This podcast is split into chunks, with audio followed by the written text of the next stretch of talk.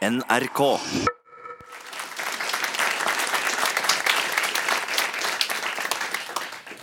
Takk for det. Mitt navn er Magnus Engen Marsdal. Og på vegne av eh, Manifest Tankesmie så vil jeg ønske velkommen til Kulturhuset, der dagens tema er framtida for de såkalte velferdsprofitørene hvis Norge får et nytt rød-grønt stortingsflertall.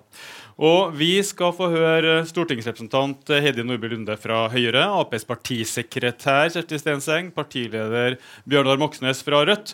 Vi skal få en juridisk betenkning om temaet fra professor Tarje Bekkedal ved Universitetet i Oslo. Og også møte en lokalpolitiker med over 20 års bakgrunn fra den sektoren som det kanskje blir mest snakk om i dag, barnehagen, nemlig Bente Seierstad. Manifest er en partipolitisk uavhengig tankesmie på rød-grønn side av politikken. Vi er den folkefinansierte tankesmia, så vi er ikke betalt av noen mektige på toppen, men av 300 fagforeninger, klubber, forbund nedenfra over hele landet. Offentlig, privat sektor, sykepleiere, industriarbeidere, Unio og LO. Samt en del individuelle manifestvenner som også bidrar med sitt. Dette betyr jo at vi selvsagt har fingeren veldig nært på den folkelige opinionspulsen. Vi vet hva som rører seg. Likevel gjør vi av og til en meningsmåling som i februar 2016 da spurte Ipsos hva folk flest mente om kommersiell profitt på felles velferd. Og 88% ønska en eller annen regulering. At det ikke skulle være fritt for å ta ut kommersielle eh, gevinster, eller å få det helt bort. Så det var veldig få som ønska at det skulle være sånn som det for er i eldreomsorgen i dag, at det er mer eller mindre fritt fram. 45% var så radikale at de svarte ja på at innenfor barnevern, barnehage, eldreomsorg så skal det bare være private ideelle og offentlige. Ingen kommersielle. Mens 22% var imot det. Så det var altså et voldsomt forsprang for eh, tilhengerne av velferd uten profitt. Men samtidig 33% hadde ingen mening eller var usikre, så det var mange i opinion å kjempe om. Og Det var jo med utgangspunkt i denne folkemeninga at det lille partiet Rødt våga seg på å løfte spørsmålet om kommersielle barnehager inn til byrådsforhandlinga i Oslo for fire år siden. Og det endte jo med at byrådet, som ledes av Raymond Johansen fra Arbeiderpartiet, bestemte seg for ikke bygge noen nye kommersielle barnehager i hovedstaden, som var en voldsom kursendring i norsk politikk. Deretter så fikk vi også et kompromiss eller et forlik i bystyret i Oslo der Kristelig Folkeparti fikk gjennomslag for å løfte de ideelle innenfor helse- og omsorgstjenester til en økende andel av sektoren. 25% skulle det bli. Og det stemte Høyre og Fremskrittspartiet imot.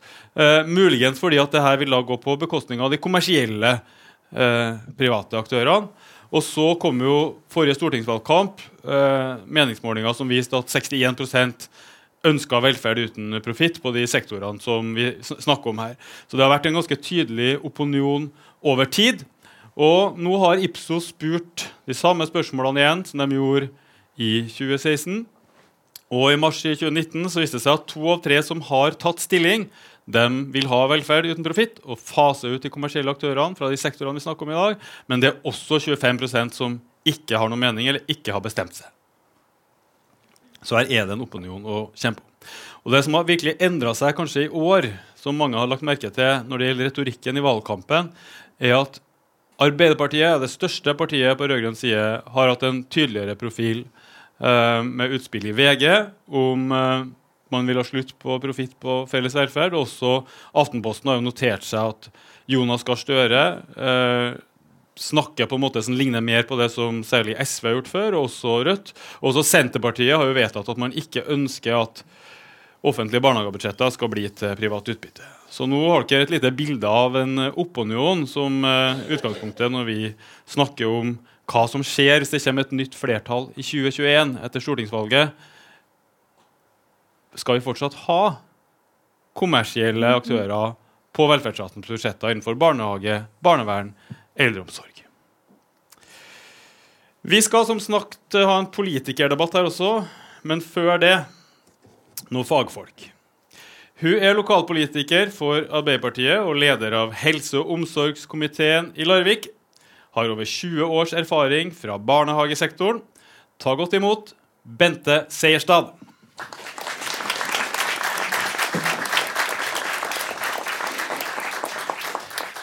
Velkommen til oss, Bente. Takk. Trollsteinen barnehage. Her står det 24 ansatte, plass til 126 unger. Og det er altså en privat barnehage. Er den kommersiell? Det er den ikke. Den er non-profit, ideell barnehage. Mm. Mm. Det er foreldreeid. Ja. Ja. Og jeg har jo forstått at du har et økende engasjement i spørsmålet om kommersielle aktører i bransjen. Eh, tenker du at det, Er det fordi det er for mye penger som forsvinner ut av sektoren? Det òg. For først og fremst så handler det om at milliarder forsvinner ut av sektoren, vekk fra barna. For oss som befinner oss i barnehagesektoren, så er det utrolig provoserende at de kommersielle aktørene skaper den opplevelsen av at uh, det er mulig å tjene penger på barna. Og det, det er en del av det.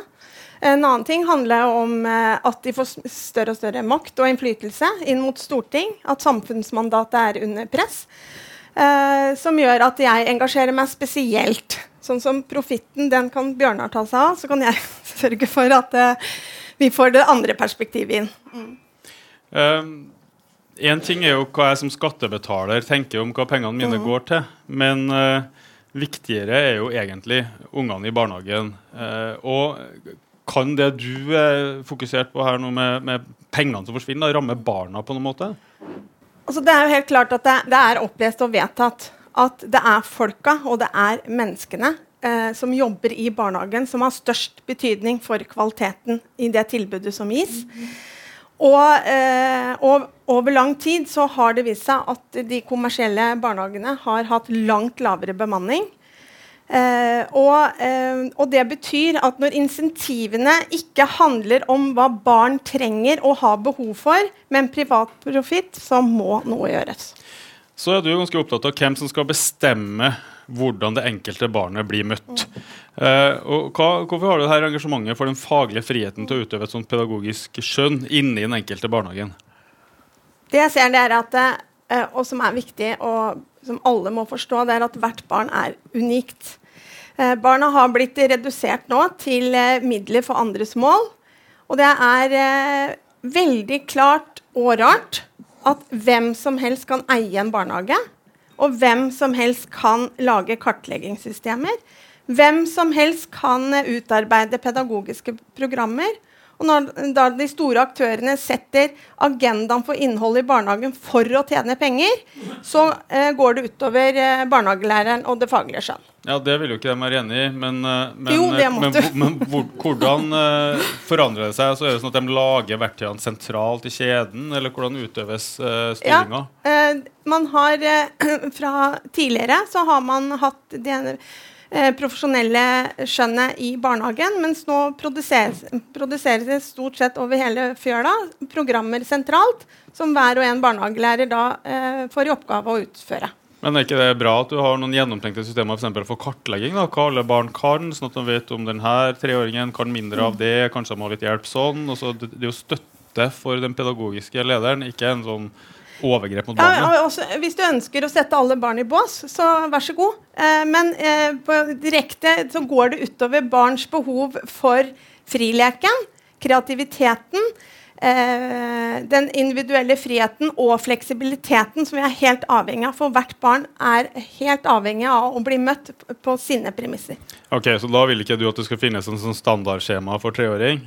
Nei, Eller at hvis det skal finnes, så er styreren som bestemmer om det brukes?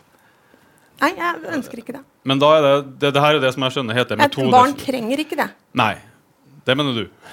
Ja? Og da og mener det er at det, skal være, at det skal være metodefrihet. Ja. Så metodefrihet sånn som jeg forstår det, det betyr at det er en frihet til å utøve det faglige skjønnet inne i barnehagen blant de pedagogene som faktisk har møtt ungen. Eh, og i den striden her så skjønner jeg at regjeringa har blanda seg inn. Ja, det er helt uh, utrolig. I 2017 så vedtok, uh, altså på påtrykk fra uh, kommersielle store aktører, endringer i lovverket vårt, rammeverket til barnehagen, å fjerne den pedagogiske friheten til hver enkelt eh, barnehagelærer og barnehage. Og det har gått på bekostning av det profesjonelle skjønnet, og det går på bekostning av barns psykiske helse. Ja, nå merker jeg at jeg skulle ønske at det var motdebattant her, men nå kommer jo i hvert fall en ja, får jeg litt påståelig? kommer, Men det, Nei da, det, jeg kommer langt med det, har jeg skjønt. jeg, jeg vet Ja. at du vet hva du snakker om, men Ja. så kommer jo Høyre her etterpå. da. Ja. Eh, til slutt, Vi har sett noen tall som er vist fram for Mhm. folkemeninga, som er ganske tydelig for velferd uten profitt. Eh, så har vi sett retorikken til Arbeiderpartiet har dreid i den retning også nå i valgkampen. Vi vet at eh, Senterpartiet går i samme retning. ikke sant? Eh, hva ønsker du hvis det blir et nytt eh, stortingsflertall på rød-grønn side neste gang, at de skal gjøre i forhold til det kommersielle motivet inne i barnehagesektoren? For å få tilliten tilbake til sektoren, så er det helt klart at pengene skal komme barna til gode. Og da må de kommersielle aktørene helt klart fases ut. Det er min mening. Og da står vi igjen med et non offentlig monopol, eller? Ja, na, ja, eller non-profit, som da eh, har et helt annet Hvor vi sørger for at hver eneste krone som kommer inn til barnehagen, det går til det det er tenkt, og det er barna. Ja, så det kan være non-profit, det kan være offentlig, men også private Ja. ideelle. Tusen takk, Bente Seierstad.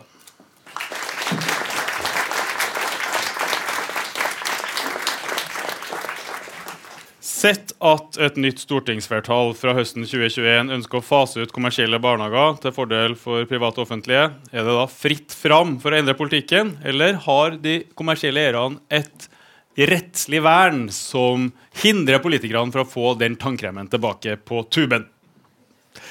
Før vi slipper til politikerne, skal vi høre noen betraktninger om det rent juridiske. Ta godt imot professor ved Institutt for privatrett ved Universitetet i Oslo, Tarjei Bekkedal.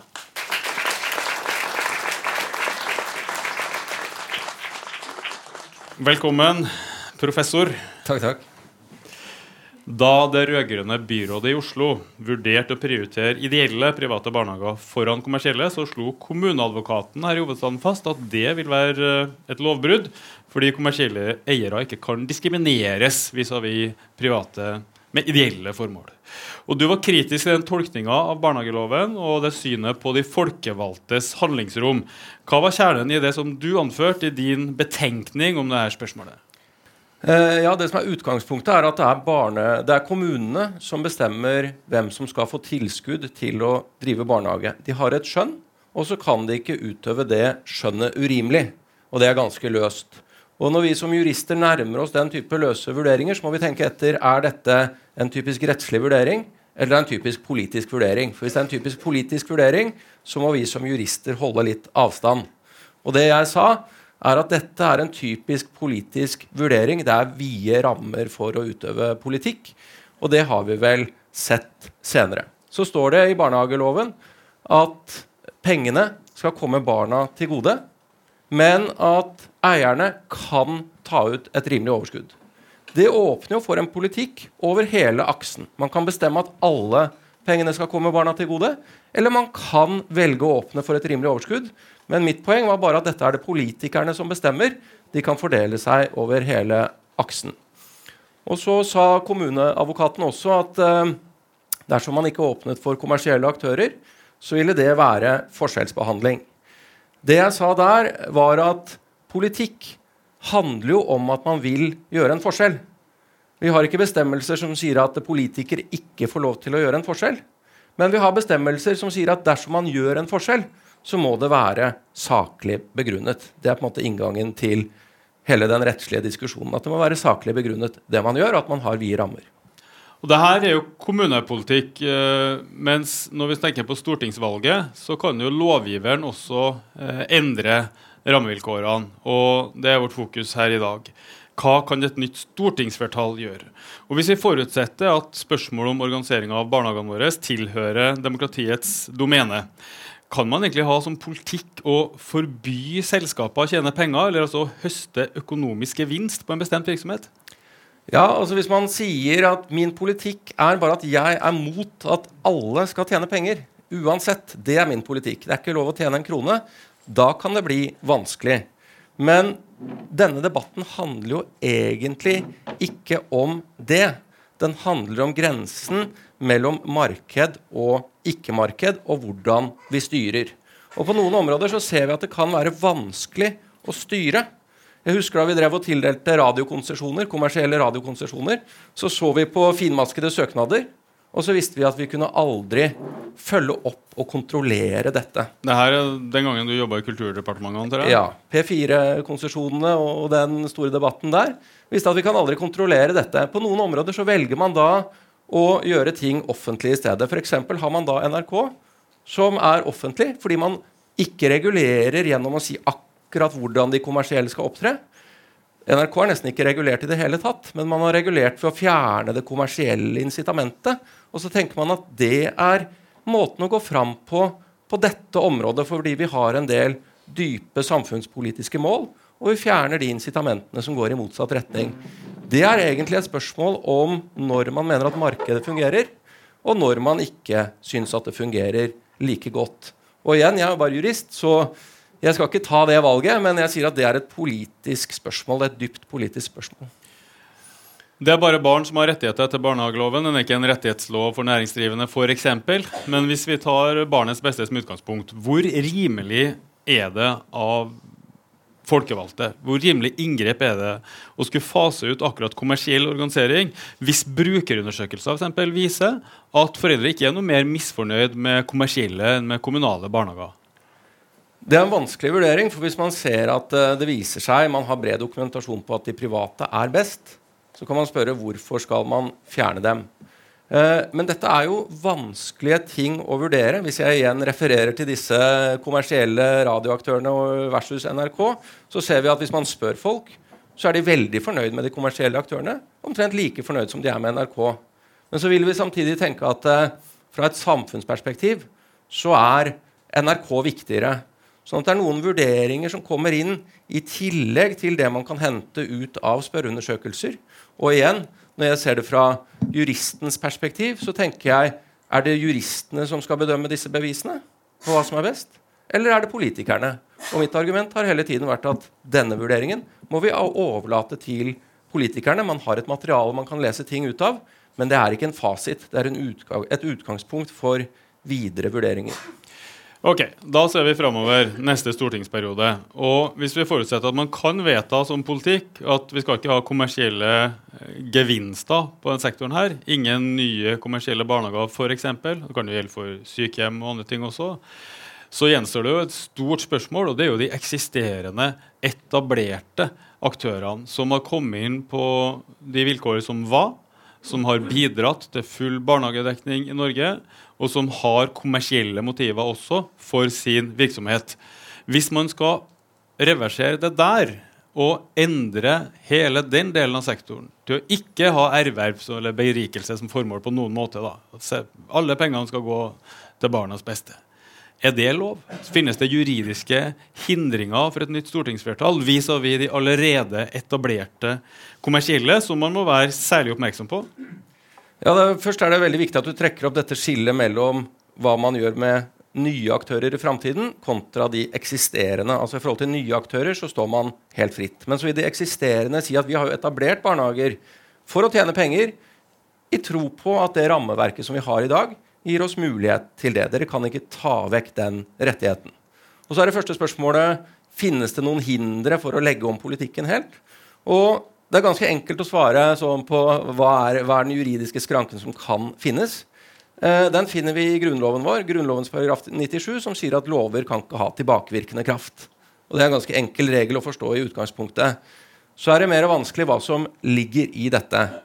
Det er helt klart at dette tilbakevirkningsforbudet ikke er noen absolutt skranke. Vi har hatt saker for Høyesterett om dette, f.eks. om fiskekvotene, strukturkvotene, hvor man endret fra evigvarende kvoter til kvoter som varte bare i 25 år. Høyesterett sa at det var greit. Ja, for Da har man gått inn i fiskenæringa og kjøpt kvoter osv. Tenkt at det her varer evig, sånn som det står i loven. Så oppdaga det norske folk at noen har gitt bort fisken med for evig tid. Og politikerne ville endre loven, og så gikk det til rettssystemet. Ja. Uh, og, og, Hvordan vurderer egentlig da Høyesteretts flertall det her? Altså, hva er det som avgjør hvorvidt man har blitt uh, utsatt for en tilbakevirkende kraftlov eller ikke? Høyesterett uh, vurderer typisk hvor urimelig er dette, hvor politisk er feltet, og hvor sterk er egentlig karakteren av tilbakevirkning. Og Hvis jeg går litt inn i dette, så kan vi si at hvis vi sier at de eksisterende aktørene de får ikke lov til å tjene penger i framtiden, så er det egentlig ikke en kraftig tilbakevirkning. For vi sier ikke at de må gi fra seg de pengene de har tjent. Vi sier ikke at de ikke får lov til å drive barnehagevirksomhet i framtiden. Men vi sier at hvis vi hvis de får penger fra staten, så må de for framtiden forvalte de pengene på en bestemt måte. Også det er egentlig regulering framover i tid. Slik at det vi egentlig må forholde oss til, er i hovedsak at de eksisterende aktørene må få tid til å omstille seg. Vi må ikke komme overraskende med en slik endring og si at fra i morgen så må dere legge om. For da kan man gå på tap fordi man ikke får tid til omstilling. Men hvis man setter av tid til en overgangsperiode, som jeg ville tippe burde ligge på kanskje ett til to år, så kan jeg ikke se at det er noen juridiske hindre for at man utøver den politikken som man mener at er riktig. Tusen takk til jusprofessor ved Universitetet i Oslo, Tarjei Bekkedal.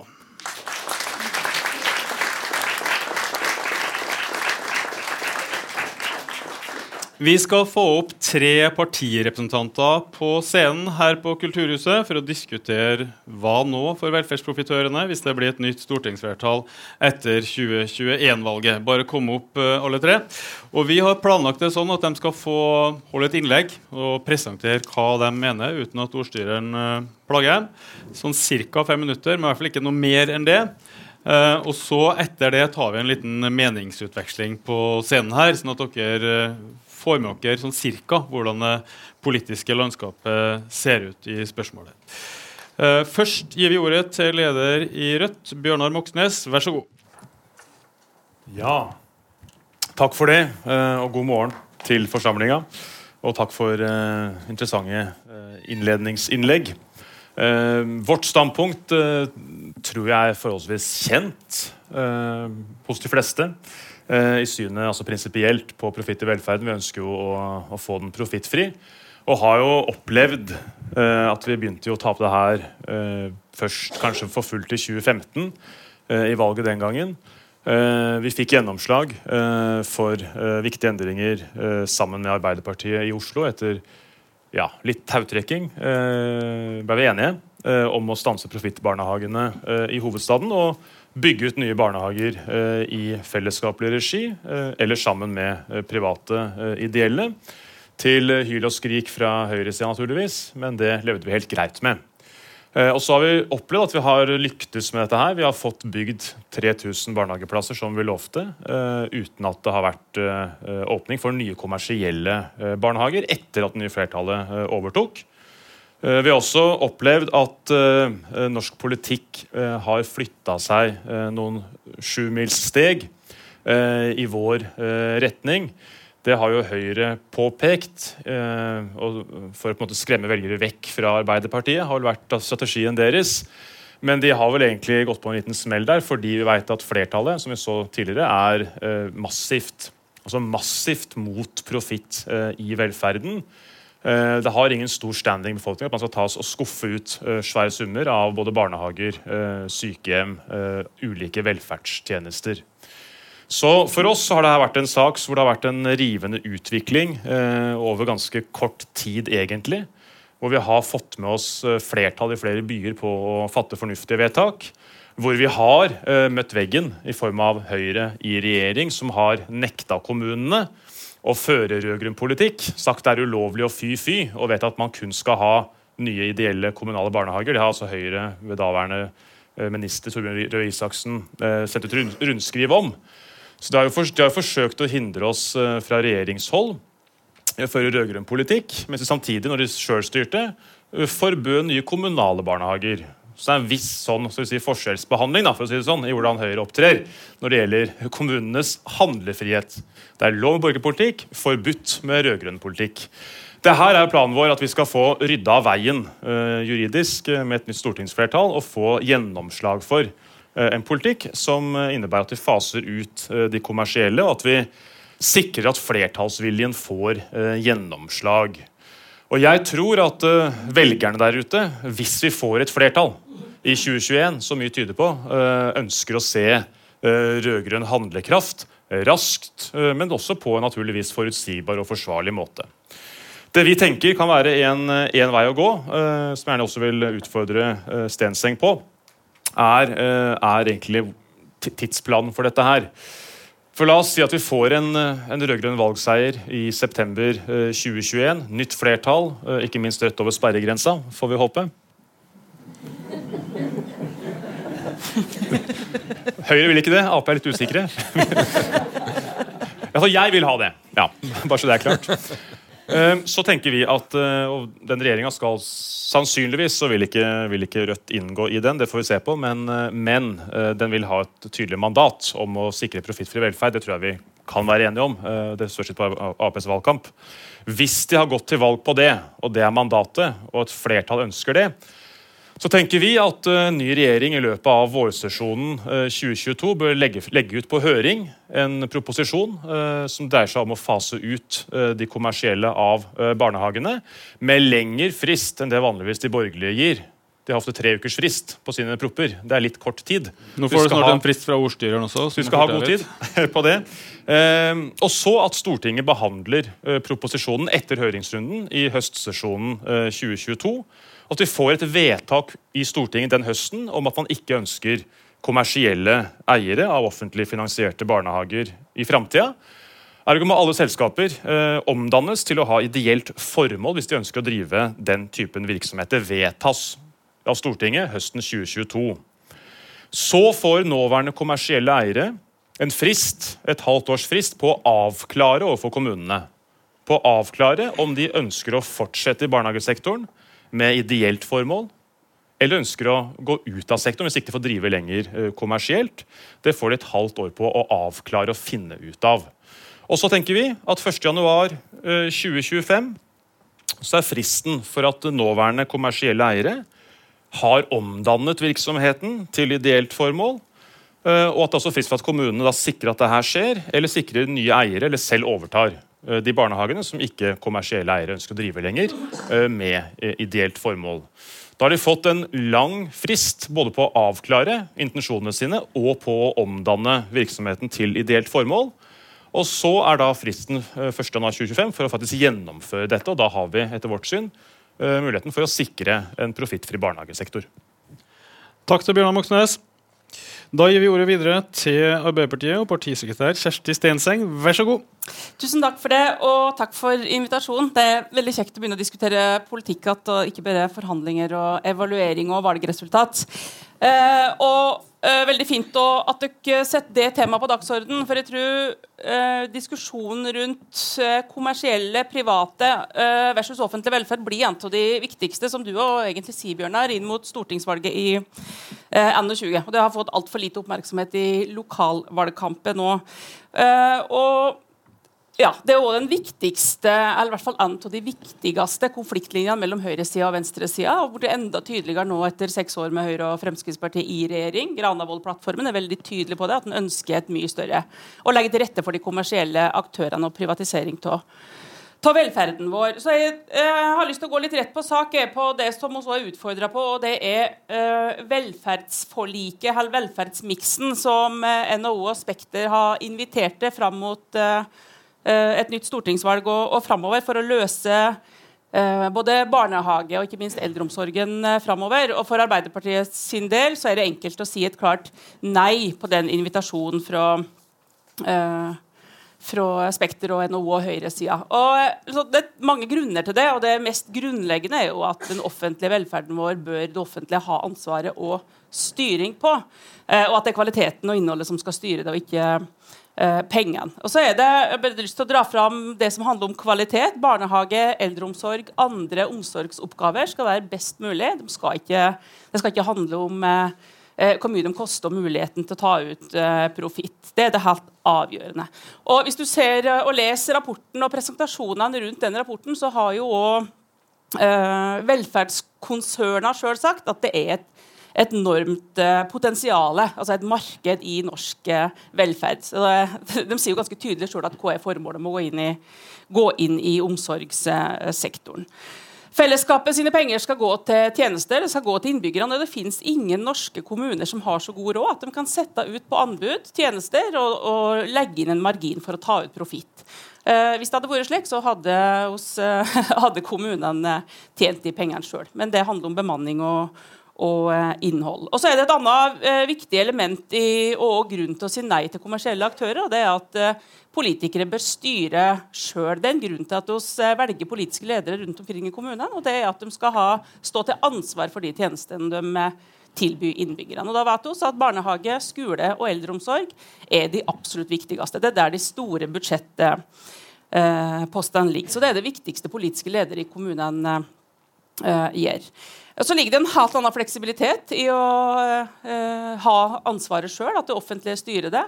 Hvordan du til enhver tid tilrettelegger ressursene, eh, prioriterer ressurser, slik at tilbudet til innbyggerne dine blir best mulig. Og også sett ganske mange grelle eksempler på hvordan det kan gå når kommersielle aktører uh, styre velferden. Så har sett det på sykehjemshistoria i Moss, er godt kjent.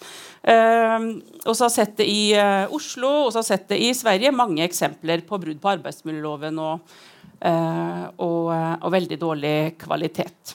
Så er det arbeidsvilkår til de ansatte som er den andre vesentlige faktoren i det. Så vet at I omsorgstjenestene så går opp til 90% av det som brukes eller 90% av budsjettet til lønn, pensjon og eh, bemanning. Og Hvis du skal spare på det, hvis du skal ta ut et overskudd, så eh, går det utover lønns- og arbeidsvilkår til de ansatte. Det ser vi jo på statistikken at eh, en sykepleier i eh, det offentlige, altså i Oslo i kommunen, tjener i snitt mer, 60 000 kroner mer eh, enn en ansatt i ei NHO-bedrift. For helsefagarbeidere så ser vi at den forskjellen er enda større. Uh, Oslo som du en del om, Bjørnar, er jo et godt eksempel på hvordan en nå har både innført Oslo-modellen for å sette helt tydelige krav ved innkjøp og, uh, og uh, anbud. og hvordan en har prioritert nå både å ta tilbake i egen regi, det har også ganske mange kommuner som har gjort i denne perioden her, og hvordan du nå i de neste perioder kommer til å prioritere ideelle aktører framfor kommersielle um, aktører. Så det Uh, hovedårsaken uh, til at oss kommer til å si nei til kommersielle aktører, bli med på en politikk som faser ut, og som gjør markedet uinteressant for de kommersielle uh, i tida fram til 2020, og forhåpentligvis også med et stortingsflertall i 2020. Takk til Kjersti Stenseng. Vi pådrar seg applaus også. Nå skal vi endelig få noe motbør her. Få ekstra god tid hvis du vil. Ta godt imot fra Høyre stortingsgruppe, Heidi Nordby Lunde. Tusen takk eh, for det. Tilløp til spredt applaus er veldig hyggelig. Jeg tror at Bare for å begynne med premisset for debatten, nemlig eh, spørreundersøkelsene. Hvis vi hadde snudd det spørsmålet og spurt hva folk var mest opptatt av, kvalitet i omsorgen eller hvem som eier og driver det, så tror jeg kanskje de statistikkene hadde sett litt annerledes ut. Så jeg velger å forholde meg i hvert fall til tanken om at eh, flerparten av Norges befolkning er mer opptatt av kvalitet enn eierskap, noe som også andre undersøkelser eh, viser. Så, så, er det jo en grunn til at Høyre har ønsket en velferdsmiks. Vi tror både at det offentlige, eh, de private og ideelle blir bedre når de møter hverandre i, uh, i en konkurranse. Nettopp fordi at de lærer av hverandre, har litt ulik metodikk, og at det driver kvaliteten oppover, slik vi har sett her i Oslo. Et eksempel på det er sykehjemmet der min egen egen mormormor Hun kom til Oslo da hun var 21 eh, etter krigen, og eh, jobbet da som, som hjemmehjelp eller som tjenestepike hos en legefamilie. Hun ville aldri vært en av de som hadde hatt råd til privat uh, omsorg i dag. Hun har vært, lavtlønns, uh, vært i lavtlønnsyrker hele livet. Grunnen til at hun bor på et privat drevet uh, sykehjem i Oslo, er jo nettopp fordi at Høyre i byråd har lagt til rette for at både private, kommersielle, eh, kommersielle ideelle og offentlige skal kunne drive fram de tjenestene. Og der ser vi at kvaliteten i innholdet på de tjenestene har økt, også blant de offentlige. Og det er det som er målsetningen. Øke kvaliteten. Det skal ikke gå på bekostning av verken ansattes rettigheter, det skal være anstendige lønns- og arbeidsforhold. Det er det også. Hovedsakelig så har disse tariffavtaler. Og går man over til barnehagesektoren, så ser vi jo at det er en av de mest velregulerte sektorene vi har. Hvor alle barnehagene har tariffavtale. Man har også begrensninger på hvor mye overskudd du skal kunne ta ut. Når det gjelder da overskudd er, eh, så hører jeg at Det er flere som syns det er provoserende at de private kan ta ut overskudd av sin drift. Men hvis den måten de driver omsorgen på, hvis de tjenestene de leverer, er organisert på en bedre måte, som gjør at de kan f.eks. få kontroll på timebruk, få kontroll på sykefravær, eh, kontroll på overtidsbruk, så gjør det at de kan organisere seg bedre og ta ut nettopp et overskudd. Jeg skulle ønske at venstresida, som er så gode på, som man ønsker, som ønsker nettopp å ivareta offentlig velferd, i likhet med det jeg ønsker, var også like opptatt av å se på hvordan det offentlige kan bli, bli bedre. Hvordan har det seg at de private leverandørene nesten konsekvent kommer bedre ut i undersøkelser på kvalitet, og samtidig kan ta ut overskudd, mens de eh, offentlige, som får det samme tilskuddet, eh, kommer ikke alltid veldig dårlig ut, men i hvert fall litt dårligere ut, bruker hele summen på tjenestene til eh, de brukerne sine. Enten det er barn i barnehagen, det er unge i eh, barnevernet eller eldre i omsorg. Den burde være et tankekors for venstresida. Og viljen til å da jobbe med offentlig sektor for å gjøre de bedre, jeg tror at det kan skje gjennom nettopp det å lære av de private og de ideelle, som for så vidt også er, er private, i den velferdsmiksen. Skulle en privat eh, trå over på arbeidsmiljøloven, skulle de levere veldig dårlig kvalitet, så blir de jo sagt opp, i motsetning til de offentlige, som får lov til å drive videre. Og Det har vi også mange eksempler på. Så jeg reagerer litt når Kjersti Stenseng sier at uh, vi har masse beviser på at de leverer dårligere kvalitet og har mye brudd på arbeidsmiljøloven. Vis meg de kommersielle som ikke har blitt skjøvet ut, enten da med at de har mistet kontrakten, eller på annen måte tatt, tatt ut. Så ble, sa Bente Seierstad her at uh, private uh, innslag i barnehagesektor går utover barns psykiske helse. Jeg ser at det sitter i, journalister i salen. Det må dere gjerne kjøre en faktasjekk på. Det burde vi ha et godt grunnlag for å kunne si noe om, i all den tid private barnehager har vært til stede og har stått for nesten hele utbyggingen av barnehagekapasiteten de siste 10-15 årene. Og nesten halvparten av alle norske barn går i en privat barnehage. Foreldrene svarer i foreldreundersøkelser at de er bedre fornøyd i private barnehager enn de er i kommunale. Ikke fordi at de kommunale er dårlige. Det er god kvalitet på kommunale norske barnehager. Det er jeg veldig glad for. Men de private scorer altså litt bedre. At det skulle gå utover barns psykiske helse, det vil jeg gjerne se underlag på. Men så er det eh, riktig at det har kommet inn kompetansekrav. I Oslo så har vi bl.a. sett at de private barnehagene har noe lavere, marginalt lavere eh, bemanningstetthet, men noe høyere pedagogtetthet. Så de tar igjen på kompetanse på det som de ikke har av bemanningsnorm.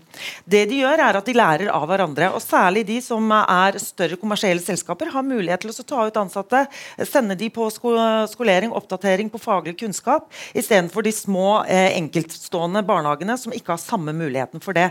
Og Det betyr nettopp at de store kommersielle kjedene som vi da ser så stygt på, har andre muligheter for å kunne eh, eh, gå inn og introdusere ny pedagogikk, ny metodikk til sine barnehager, enn det man har i de enkeltstående og de ideelle. Og Det syns jeg er en bra ting og noe vi burde heie fram. Så er det litt med den norske fortreffeligheten også. da. Det er bare norske pedagoger som kan gi den gode pedagogiske normen i barnehagene. Mens vi vet at både i Sverige og særlig i Danmark så sender vi jo norske eh, studenter dit fordi at kvaliteten på utdanningen og pedagog, eh, pedagogikkutdanningen i Danmark har vært så god at man ønsker å få det tilbake i Norge. Gjennom å ha de kommersielle til stede så kan man få det inn på en annen måte. Men det viktigste for meg er altså kvalitet eh, og en velferdsmiks. Og det håper jeg også, og vårt ønske er å ha et pragmatisk forhold til det, sånn at også de offentlige blir bedre. Men skulle ting gå denne veien til 2021, eh, så tror tror jeg at Bjørnar Moxnes og Rødts uh, situasjonsbeskrivelse er helt riktig. De private vil være helt ute av norsk velferd innen 2025. Det syns jeg ikke er en positiv utvikling. Tusen takk, Heidi Nordby Lunde fra Høyre.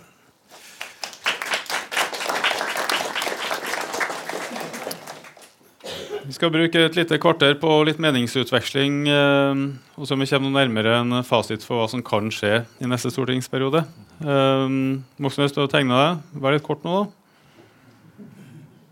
Ja, altså jeg kunne jo tilbakevist alt Lunde sier, men det vil ta litt lang tid. så jeg skal ikke gjøre det, Men jeg bare peker på at uh, det interessante er jo at eh, Frp-kommuner som Austevoll og Os henter jo bestemor hjem uh, fra anbudet. ikke sant? Høyre står jo i spissen for disse kommunene for å ta tilbake velferden i offentlig felles regi. Bl.a. for å kunne øke kvaliteten på tjenestene og unngå vanntette skott mellom en bestiller og en utfører.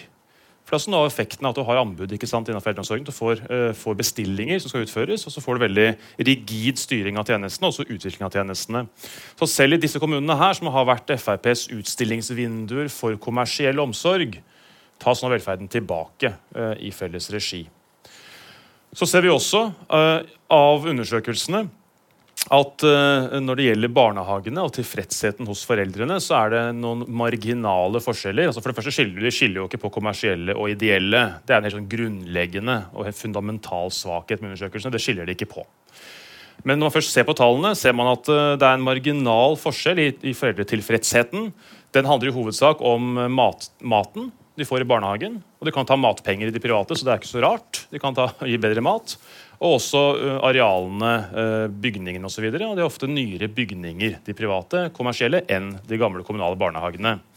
Så så vi fra barnehageopprøret som kom i fjor våres, at én ting er nå vi, altså oss som foreldre og vår tilfredshet med hva vi ser i barnehagen. Vi ser barnehagen når vi leverer om morgenen, og når vi henter om ettermiddagen. Hva som skjer imellom der, vet vi ganske lite om som foreldre. De som jobber der, de vet veldig mye om hva som skjer i den barnehagen. Og Det som er uomtvistelig som et faktum, det er at det viktigste for barnas, eh, barnas i, i, barnehagens uh, kvalitet er jo nok ansatte med kompetanse på jobb. Så viser, så viser altså rapportene fra regjeringa sjøl uh, at de store konsernbarnehagene de har større overskudd naturligvis enn de mindre barnehagene og har i snitt lavere bemanning. Det er der de kniper inn for å kunne få mest mulig overskudd ved å ha færre ansatte på jobb enn de har hatt i andre eh, barnehager. Så realiteten, da, eller på en måte sannheten bak det glansbildet som vi får presentert som foreldre et kvarter om morgenen, eller mindre enn det, om ettermiddagen, det som skjer innimellom der, eh, der ser vi at de store konsernene presser kostnadene. og Det er helt naturlig, for de har investorer som skal ha avkastning på investert kapital. Uh, sånn er det med den saken. ikke sant? Så Hvis formålet er også å dyrke fram best mulig kvalitet og også mangfold, så må jo på en måte denne her, eh, monopoliseringen, tendensen til eh, at stadig færre konsern tar stadig mer makt over hele barnehagefeltet, iallfall burde bekymre Høyre. Altså Nedgangen i ideelle barnehager, som har vært enorm siden 05, med en tilsvarende oppgang i kommersielle, ytterst få svære konserner, burde bekymre de som ønsker å ha et mangfold eh, i, i barnehagesektoren. Uh, Moxnes nevnte sykehjem, eldreomsorg her, og la oss snakke litt om det også. fordi det er jo ikke bare barnehagefeltet. og Feltene skiller seg litt fra hverandre. Det er jo anbud i noen sektorer, eh, ikke i andre. Så det vil være veldig ulike lovveier til å eh, endre vilkårene her. Men uh, Kjersti Stenseng fra Arbeiderpartiet lurer på det med kommersielle sykehjem. Hvis det rød-grønne byrådet nå slutter med å ha det i hovedstaden, så lurer jeg på om det er en kanskje bare tre på landsbasis eller noe sånt, som det kommersielle private. Og meg bekjent så har ikke Arbeiderpartiet satt ut på anbud noe sånt eh, på jeg, 15 år eller mer, så man driver jo ikke med det. Men vil dere likevel i Stortinget dø for Høyres rett til å gjøre det ute i kommunene? Skal det fortsatt være adgang til bestemor på anbud under et nytt rød-grønt stortingsflertall? Eller skal det bli mer sånn som det er i skolesektoren, at så lenge det er offentlig finansiert, så er det ikke kommersielle profitter? Hva tenker du om det? Nei, det er helt riktig at ingen Arbeiderparti-styrte kommuner eller Arbeiderparti-ordførerkandidater som nå har gått til valg på å sette ut uh, sykehjem på anbud og, og si ja til kommersielle aktører. Og I denne fireårsperioden har vi også sett veldig mange som har tid tilbake i egen regi når anbudene har gått ut. Så uh, i Arbeiderparti-styrte kommuner så vil det ikke bli kommersielle aktører i, inn, i, uh, i eldreomsorgen. Uh, det er med veldig, veldig få unntak i tilfelle. Eh, så har jeg jo sagt at eh, fordi at eh, jeg tror krangler jo litt om altså, hvem er mest mot og hvem er mest for forbud osv. Og, så og hvem vil ha minst mulig profitt i velferden. Det interessante er jo at venstresida er eh, ganske så grunnleggende enige om hva slags utvikling vi ønsker, både til barnehagesektoren og, og eldreomsorgen. Eh, og Nå skal ikke jeg forskuttere hva som blir tidslinja i Stortinget, Bjørnar, og kan det forslag som det kommer til å bli enighet om i Stortinget, og når. Eh, men eh, hele hovedpoenget vårt er jo at altså, når vi har sagt nei til profittforbud, eh, så er det jo også fordi at vi vet at de store konsernene kan finne andre måter å tjene penger på. Eh, og Det er mange, ganske mange muligheter til å omgå et, et forbud på. Men hele poenget må være å ikke få dem inn i, inn i velferden i det hele tatt. og sette et helt uh, og så stille krav til kvalitet, til bemanning, alt det som gjør at det ikke er overskudd å hente i, uh, inn i eldreomsorgen. Men bare litt mer på det med sykehjemmene ute i kommunene. Tenker du at Stortinget kan eller bør vedta at vi skal ikke ha eh, kommersielle motiver inn der, eller vil det støte mot det kommunale selvstyret? Ja, vårt utgangspunkt er at altså, Eldreomsorgen er kommunal. Det er en grunn til at vi har sagt nei til den statlige modellen til, til Fremskrittspartiet og til regjeringa. Så Utgangspunktet vårt er at det er kommunalt. Det er hos lokalpolitikere som sier nei til kommersialisering til velferden. En av de viktigste sakene er at de skal styre velferden sjøl. At det skal være grunnleggende at det skal være det offentlige som har ansvar for det. Mm. Men hvis et annet flertall er etablert i en kommune, så kan de si ja til kommersielle aktører i eldreomsorgen?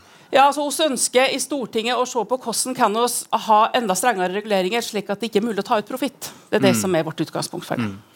Um, er det kommunale selvstyret på området her viktigere i eldreomsorg enn i skole?